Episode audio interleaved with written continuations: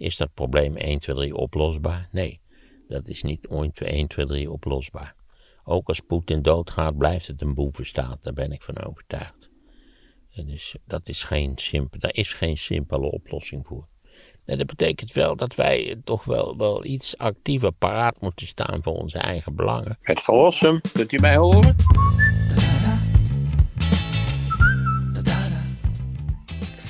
Hebben het de vorige keer gehad over hoe het mis kon gaan in Oekraïne. Hè, de voorfase. En toen Ja. zei je, laten we nu eens de jaren daarna ook eh, bekijken. Oh, wacht even. Hoe, hoe ver waren we in dat verhaal? Waar, waar waren we gebleven? Nou ja, Is we- Poetin al aan de macht of is hij nog niet aan de macht? Of, eh, volgens mij hebben we, waren we daar gebleven totdat Poetin aan de macht zou komen. nou, Poetin is aan de macht gekomen in december 1999. Net voor de mille- millenniumwisseling. Ja, precies. Eh Yeltsin treedt dan af. Nou, die, die is eigenlijk aan volstrekte ruïne. Overigens is een van de aller, allereerste dingen die Poetin doet als, eh, als nieuwe president... is een wet uitvaardigen waarbij de familie van Yeltsin niet vervolgd kan worden voor... nou ja, eh, shady, daar, hoe heet het, eh, schaduwachtige activiteiten. Dus dan weet je al hoe dat zo'n beetje ligt. Dat hij natuurlijk ook aan Yeltsin heeft gezegd... als je het mij nou maakt, ik zorg ervoor echt waar...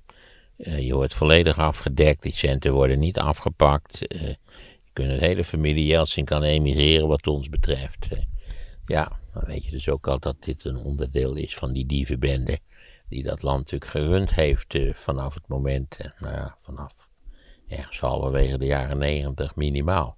Ehm, in de eerste jaren, dat moeten we Poetin toegeven, was het eigenlijk een vrij coole, competente president. Vrij kort nadat Yeltsin hem als zodanig had aangewezen, zijn er ook verkiezingen geweest die hij vrij ruim gewonnen heeft.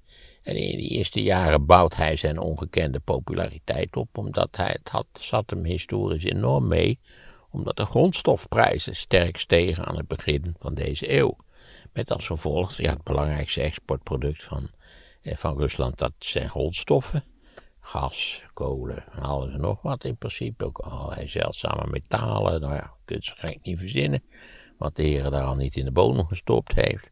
Dus, dus ja, hij heeft eigenlijk eh, de, Russische economie heeft hij weer op de rails gezet. En ervoor gezorgd dat de pensioenen weer regelmatig betaald werden. Nou, dat was natuurlijk na die totale onzekerheid en chaos die Yeltsin had gecreëerd, was dat natuurlijk een godsend.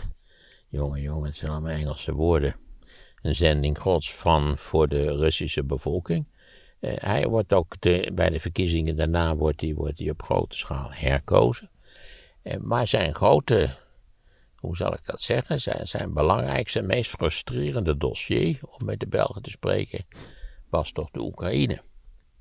En dat speelt al in zijn eerste presidentschap, speelt dat eigenlijk al een rol. Want er zijn dan verkiezingen geweest in eh, de Oekraïne. En die zijn op eerste gezicht gewonnen door Yanukovych. Yanukovych was een, een, een pro-Russische eh, Oekraïner.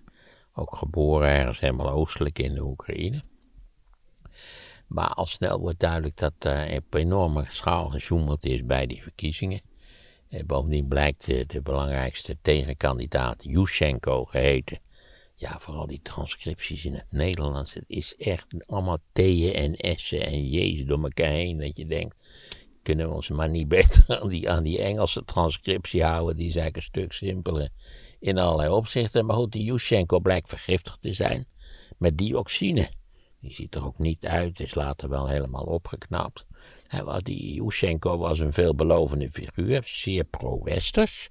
Ook met een beetje modern charisma, een man die het goed deed op televisie. En eh, die, die verkiezingen, die dus eh, ja, waar op grote schaal gefraudeerd was. En bovendien moet ik erbij zeggen dat eh, Poetin was tweemaal naar de Oekraïne gereisd om, om Yanukovych te steunen. en Zijn, zijn, zijn campagne in feite eh, te- te ondersteunen. En bovendien had Poetin een fout gemaakt dat hij, dat hij Yanukovych al had gefeliciteerd voordat de offici- officiële uitslag bekend was. Wat natuurlijk ook in dit geval een vrij dubieuze praktijk was. Vervolgens wordt eh, die hele verkiezingsuitslag ongeldig verklaard door het eh, opperste gerechtshof in de Oekraïne, als ik het me goed herinner. En eh, dan worden nieuwe verkiezingen gehouden.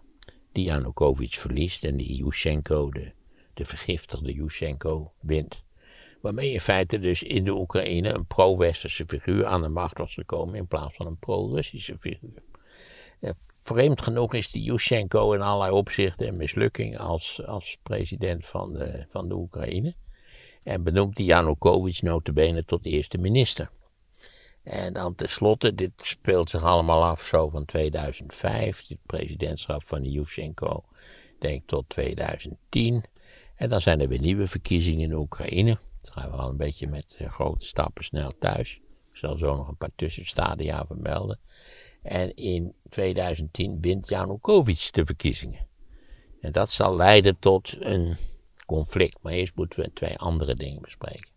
Aanvankelijk is Poetin eigenlijk vrij pro-westers. Hij is de eerste buitenlandse staatshoofd die Bush belt na 9-11 en hulp aanbiedt en gezamenlijke strijd tegen het jihadisme voorstelt enzovoort. Is ook nog een keer naartoe gegaan, hè? zijn de beelden van dat je ze samen, dan komt hij uit die helikopter en dan maken ze een wandelingetje. In, in New York ergens. Volgens mij wel, ja.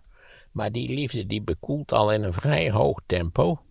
En dat is ook wel enigszins begrijpelijk. En dat is gerelateerd natuurlijk aan die halfgare, niet waar, in, inval in, in Irak door de Amerikanen.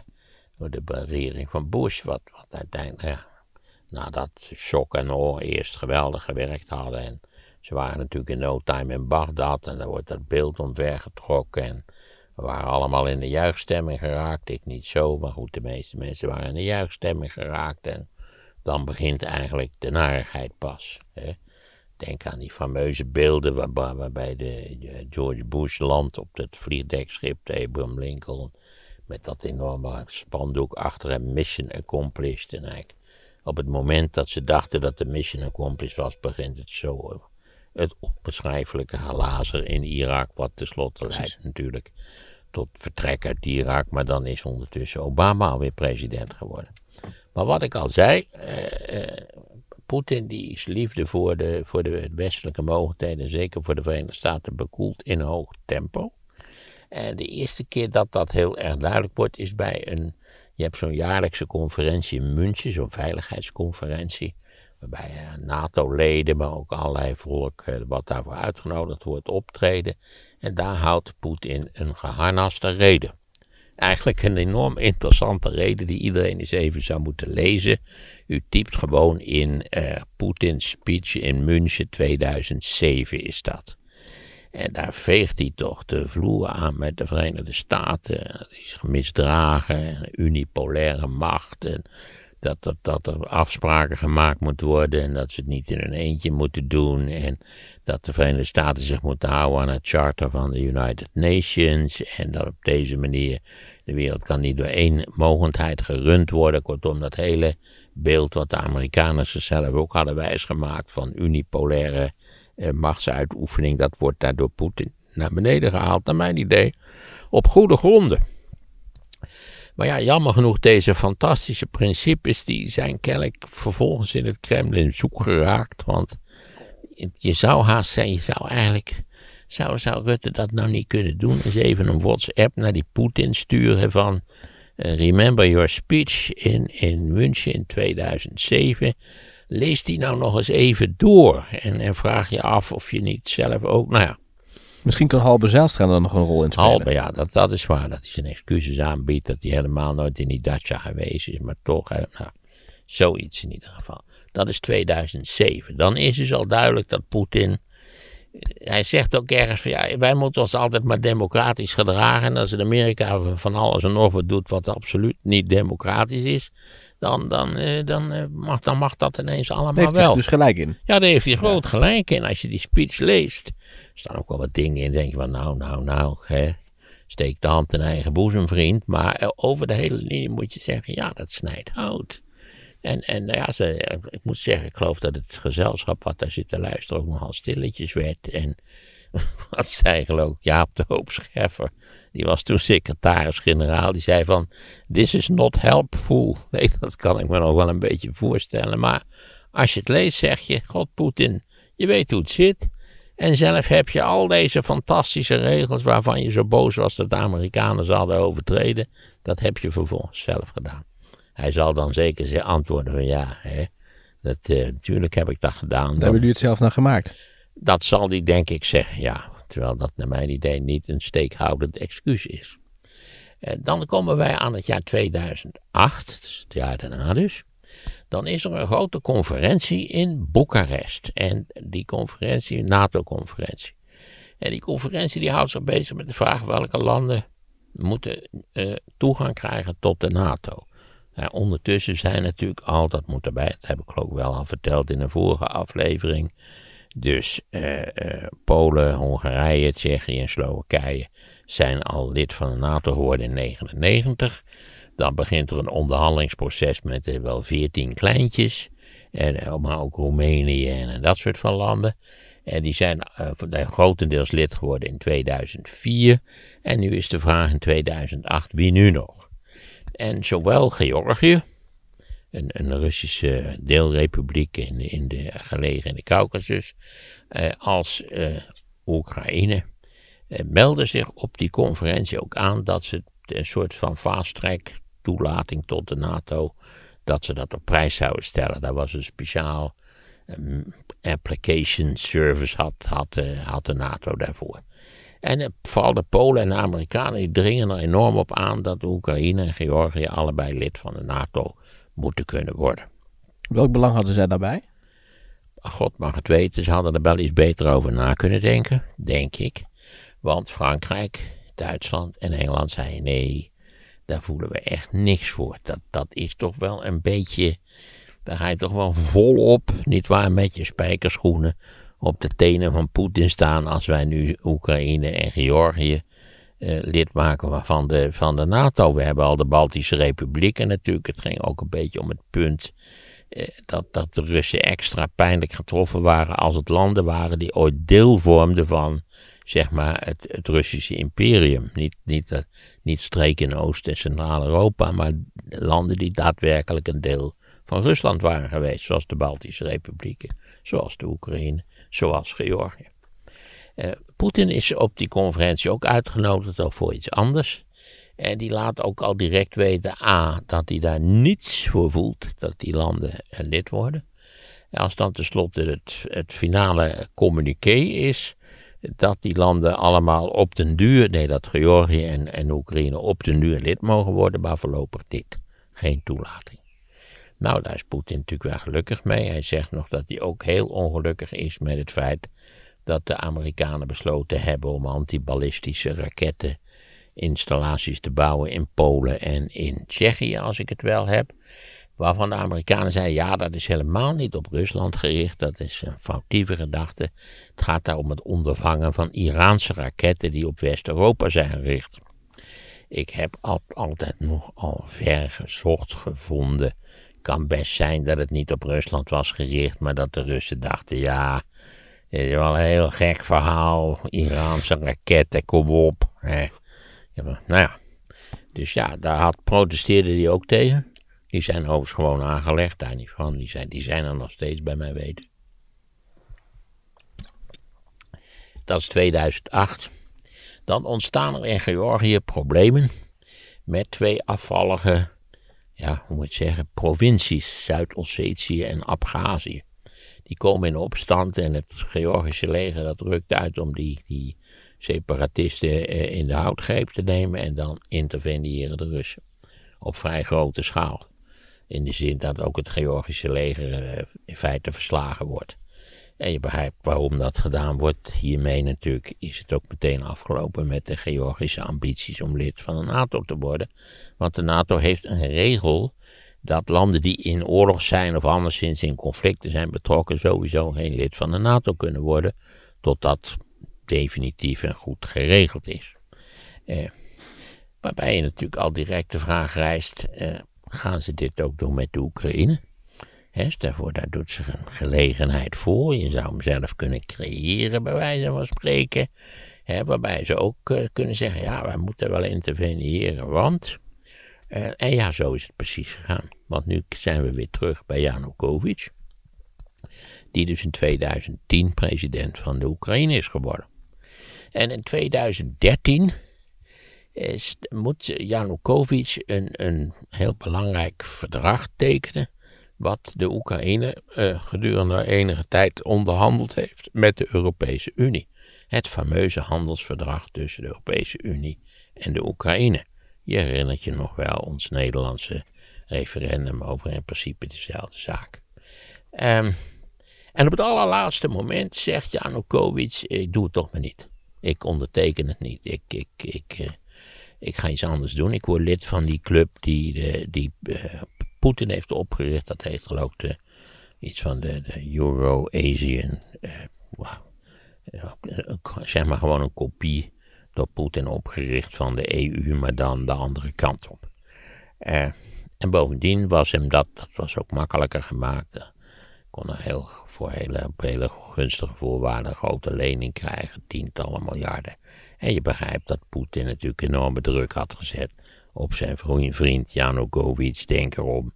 Hij probeert ervoor te zorgen dat de Oekraïne hier niet, niet afdrijft in, in westerse richting en, en, en ingrijpend geassocieerd raakt met de Europese Unie. Ja, dat is natuurlijk een totaal onverwachte ontwikkeling. En dat leidt inderdaad tot, tot uh, ja, eerst tot protesten en tenslotte tot relletjes op grote schaal. Allemaal in Kiev op die Maidan.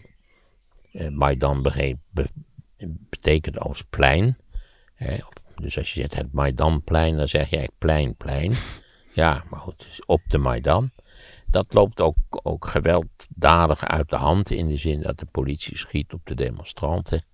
Er vallen meer dan 100 doden vallen ook doden geloof ik aan de kant van de politie, maar lang niet zoveel zoals meestal. Uh, en dat leidt ertoe dat Janukovic tenslotte probeert om een deal te maken met de volksvertegenwoordiging, die natuurlijk nog steeds achter dat idee stond dat er een associatieverdrag met de Europese Unie lag, wat ondertekend moest worden.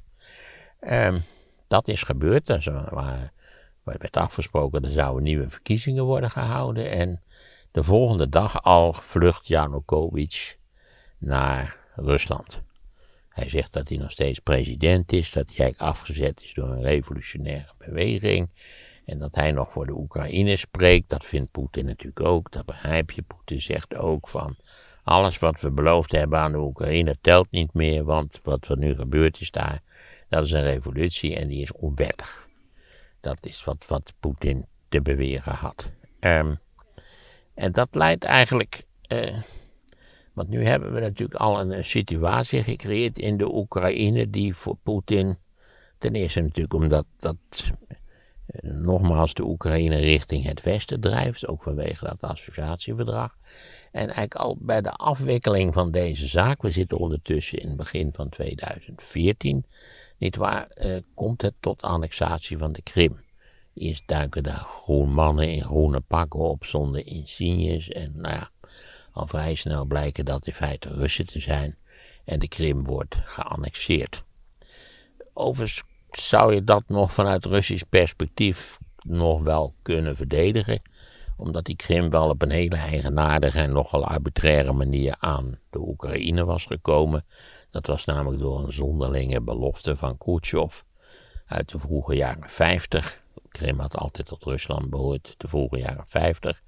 Khrushchev zei, ja, de Oekraïne heeft zo geleden in de Tweede Wereldoorlog, wij willen iets terug doen als Rusland, wij, wij geven ze de Krim cadeau. Dat is wel een beetje een, beetje een vreemde. Krim was ook volledig Russisch sprekend, als ik het goed heb.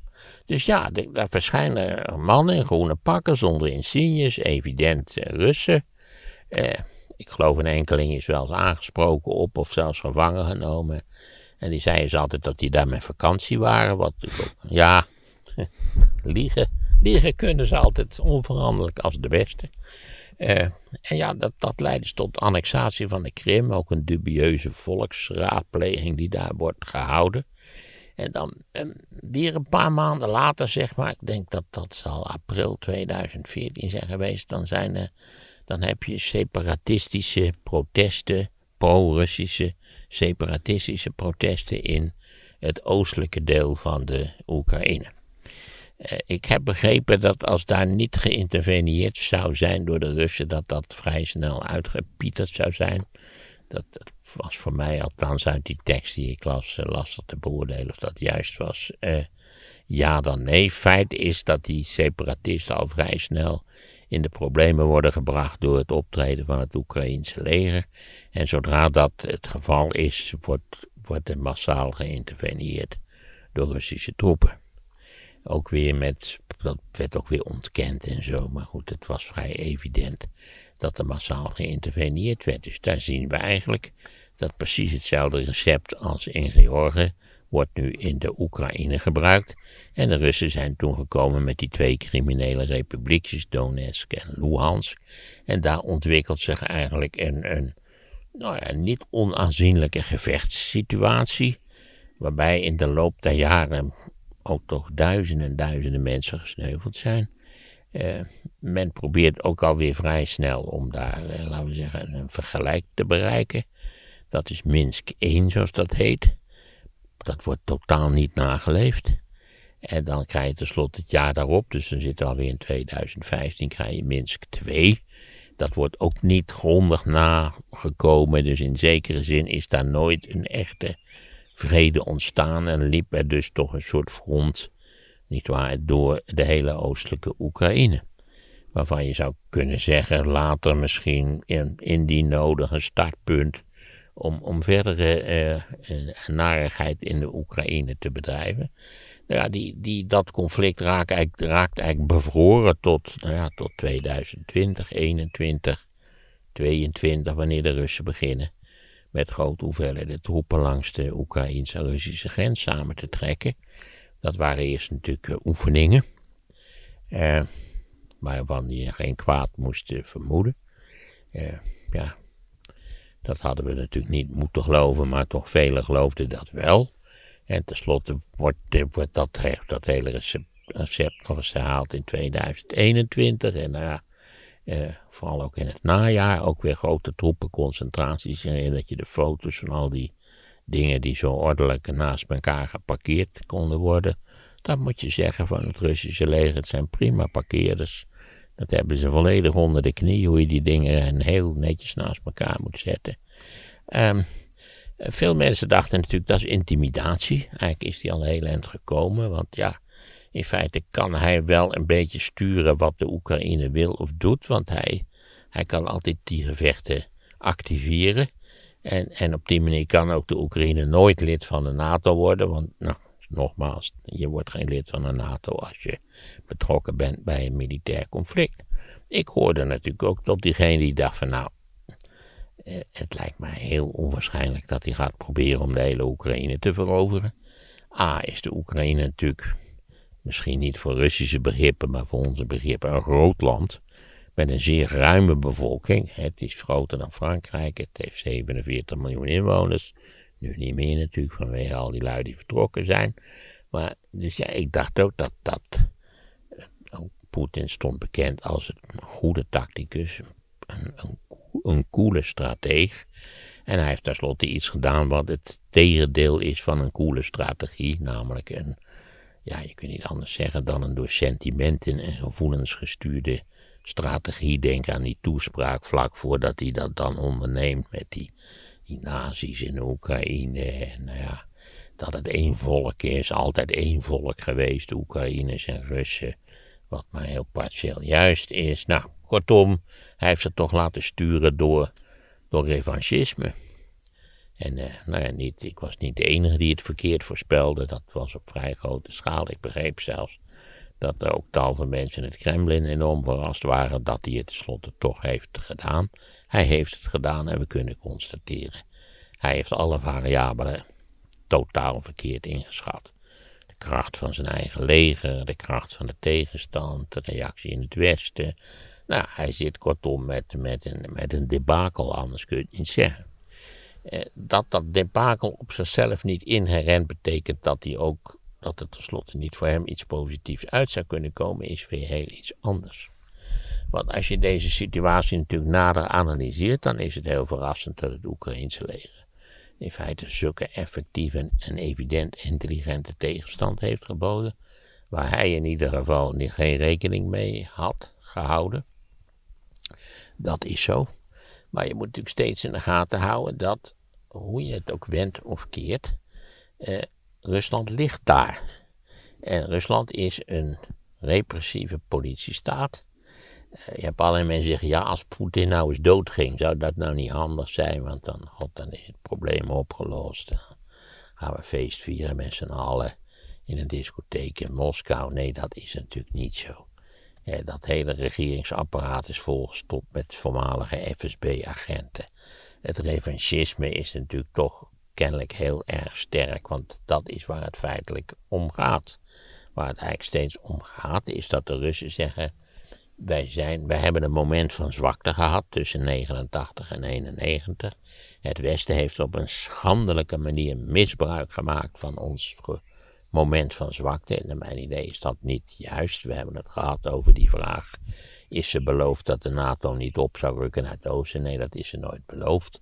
Was het verstandig? Daar kun je eindeloos over blijven twisten. Achteraf zeg je nou, het is maar goed dat we het gedaan hebben, maar toen was het, waren er misschien in de situatie meer, meer mogelijkheden geweest. Maar Rusland blijft liggen waar het is. En Rusland is vele malen groter dan de Oekraïne. Het Russische leger, hoe slecht het ook presteert, is vele malen groter dan het Oekraïense leger. De Russische bevolking is vele malen groter dan de Oekraïense bevolking. Dat zijn allemaal factoren waarmee je rekening mee moet, moet houden. En de kans natuurlijk op, laten we zeggen, een, een hoe ik het zeggen, het verdwijnen van dat revanchisme in Rusland, die, die is gelijk aan nul. Dus dan is de vraag, wanneer zou, eh, wanneer zou de Oekraïne gewonnen hebben? want dat, we hadden het al even over met die chef inlichtingendienst. Die zei, nou ja, als het zo doorgaat, dan kunnen wij in, in het najaar besluiten dat we gewonnen hebben. En dan, nou ja, moeten we maar eens verder zien. Ja, wat is gewonnen? Betekent dat dat alle Russische troepen uit de Oekraïne gedonderd zijn? Daar loop je meteen tegen die kwestie aan. Eh, is het Oekraïnse leger, hoe goed ook in staat, om de Russen als ze sterke defensieve posities hebben opgebouwd, ook weg te jagen uit, nou ja, uit die hele oostelijke strook en ook die zuidoostelijke strook langs de Zwarte Zee. Dat moet je maar afwachten. Dus uiteindelijk zal het toch waarschijnlijk onderhandeld moeten worden en zal, zal Rusland wel iets claimen van wat er is. Moet je dat dan toestaan? Moet je dan zeggen, nou oké, voor, de, voor de lieve vrede en, en, voor de wederopbouw van de Oekraïne enzovoort, moeten we dat nou maar uh, door de vingers zien, moeten we dat nou maar accepteren. Uh, Zelensky heeft vaak genoeg gezegd, dat gaat hij niet eh, accepteren, maar dat zegt natuurlijk niks. Dat zou in, in onderhandelingen zou dat duidelijk moeten worden. En dan is er natuurlijk tenslotte een, laatste punt. Kijk, Rusland was een wereldrijk, een imperium. Dat is ingestort. De huidige politieke elite, aangevoerd door Poetin in Rusland, wil in zekere zin die imperiale positie weer terug hebben. Vandaar dat ik steeds spreek van het woord revanchisme. En het, het wonderlijke natuurlijk van Rusland is dat het in allerlei opzichten, zoals gesignaleerd, een grote mogendheid is. Maar dat het de economie heeft van, nou op zijn best van een middelgrote mogendheid. De economie stelt eigenlijk niet zo verschrikkelijk veel voor. Het is een, gezien de afmetingen van het land, en gezien de militaire en, en laten we zeggen territoriale ambities, die, daar steekt die, die economie wel heel armetierig bij af. Dus je kunt generaliserend stellen Rusland is een land met zeer beperkte economische mogelijkheden, maar met immense ambities als imperiale staat. Poetin heeft ook wel gezegd: wij zijn eigenlijk altijd een imperiale staat geweest. We zijn ook een imperiaal volk en daar moet naar gehandeld worden. En wij hoeven ons niet zo te laten piepelen door het Westen, wat zich eigenlijk schandelijk gedragen heeft. Wat nogmaals, maar eigenlijk helemaal niet het geval is maar tot op zekere hoogte het geval is. En dan is er natuurlijk de laatste grote troefkaart. Vandaar dat hij er ook altijd weer over begint. Zodra het beroerd gaat, komt hij met die kernwapens aan boord. Omdat hij natuurlijk samen met de Verenigde Staten is Rusland de, de grootste kernmogendheid in de wereld. En iedereen is natuurlijk altijd toch een beetje dat je denkt van... Zou, zou niet allemaal gaan kijken als hij al zoiets idioots heeft gedaan als die Oekraïne aanvallen, waar is die dan nog meer toe in staat? Ja, daar zit je wel met een probleem. Dat Rusland een van ressentiment en revanchisme vervulde staat is, die toch over aanzienlijke potentiële macht beschikt, maar eigenlijk alleen militaire macht en geen economische macht. dat is toch een, een, een huiveringwekkende combinatie in allerlei opzichten. Dus ik zou zeggen, wat is het probleem? Rusland is het probleem. Is dat probleem 1, 2, 3 oplosbaar? Nee, dat is niet 1, 2, 3 oplosbaar. Ook als Poetin doodgaat, blijft het een boevenstaat. Daar ben ik van overtuigd. Dus dat is geen simpel, daar is geen simpele oplossing voor. En dat betekent wel dat wij toch wel, wel iets actiever paraat moeten staan voor onze eigen belangen. Ook voor onze veiligheidsbelangen. Rusland is dus, dat is gebleken, dat heeft Poetin onomstotelijk aangetoond, een door en door agressief, van ressentiment vervuld en onbetrouwbaar land. Treurig genoeg. Ja, Had het anders gekund, ja.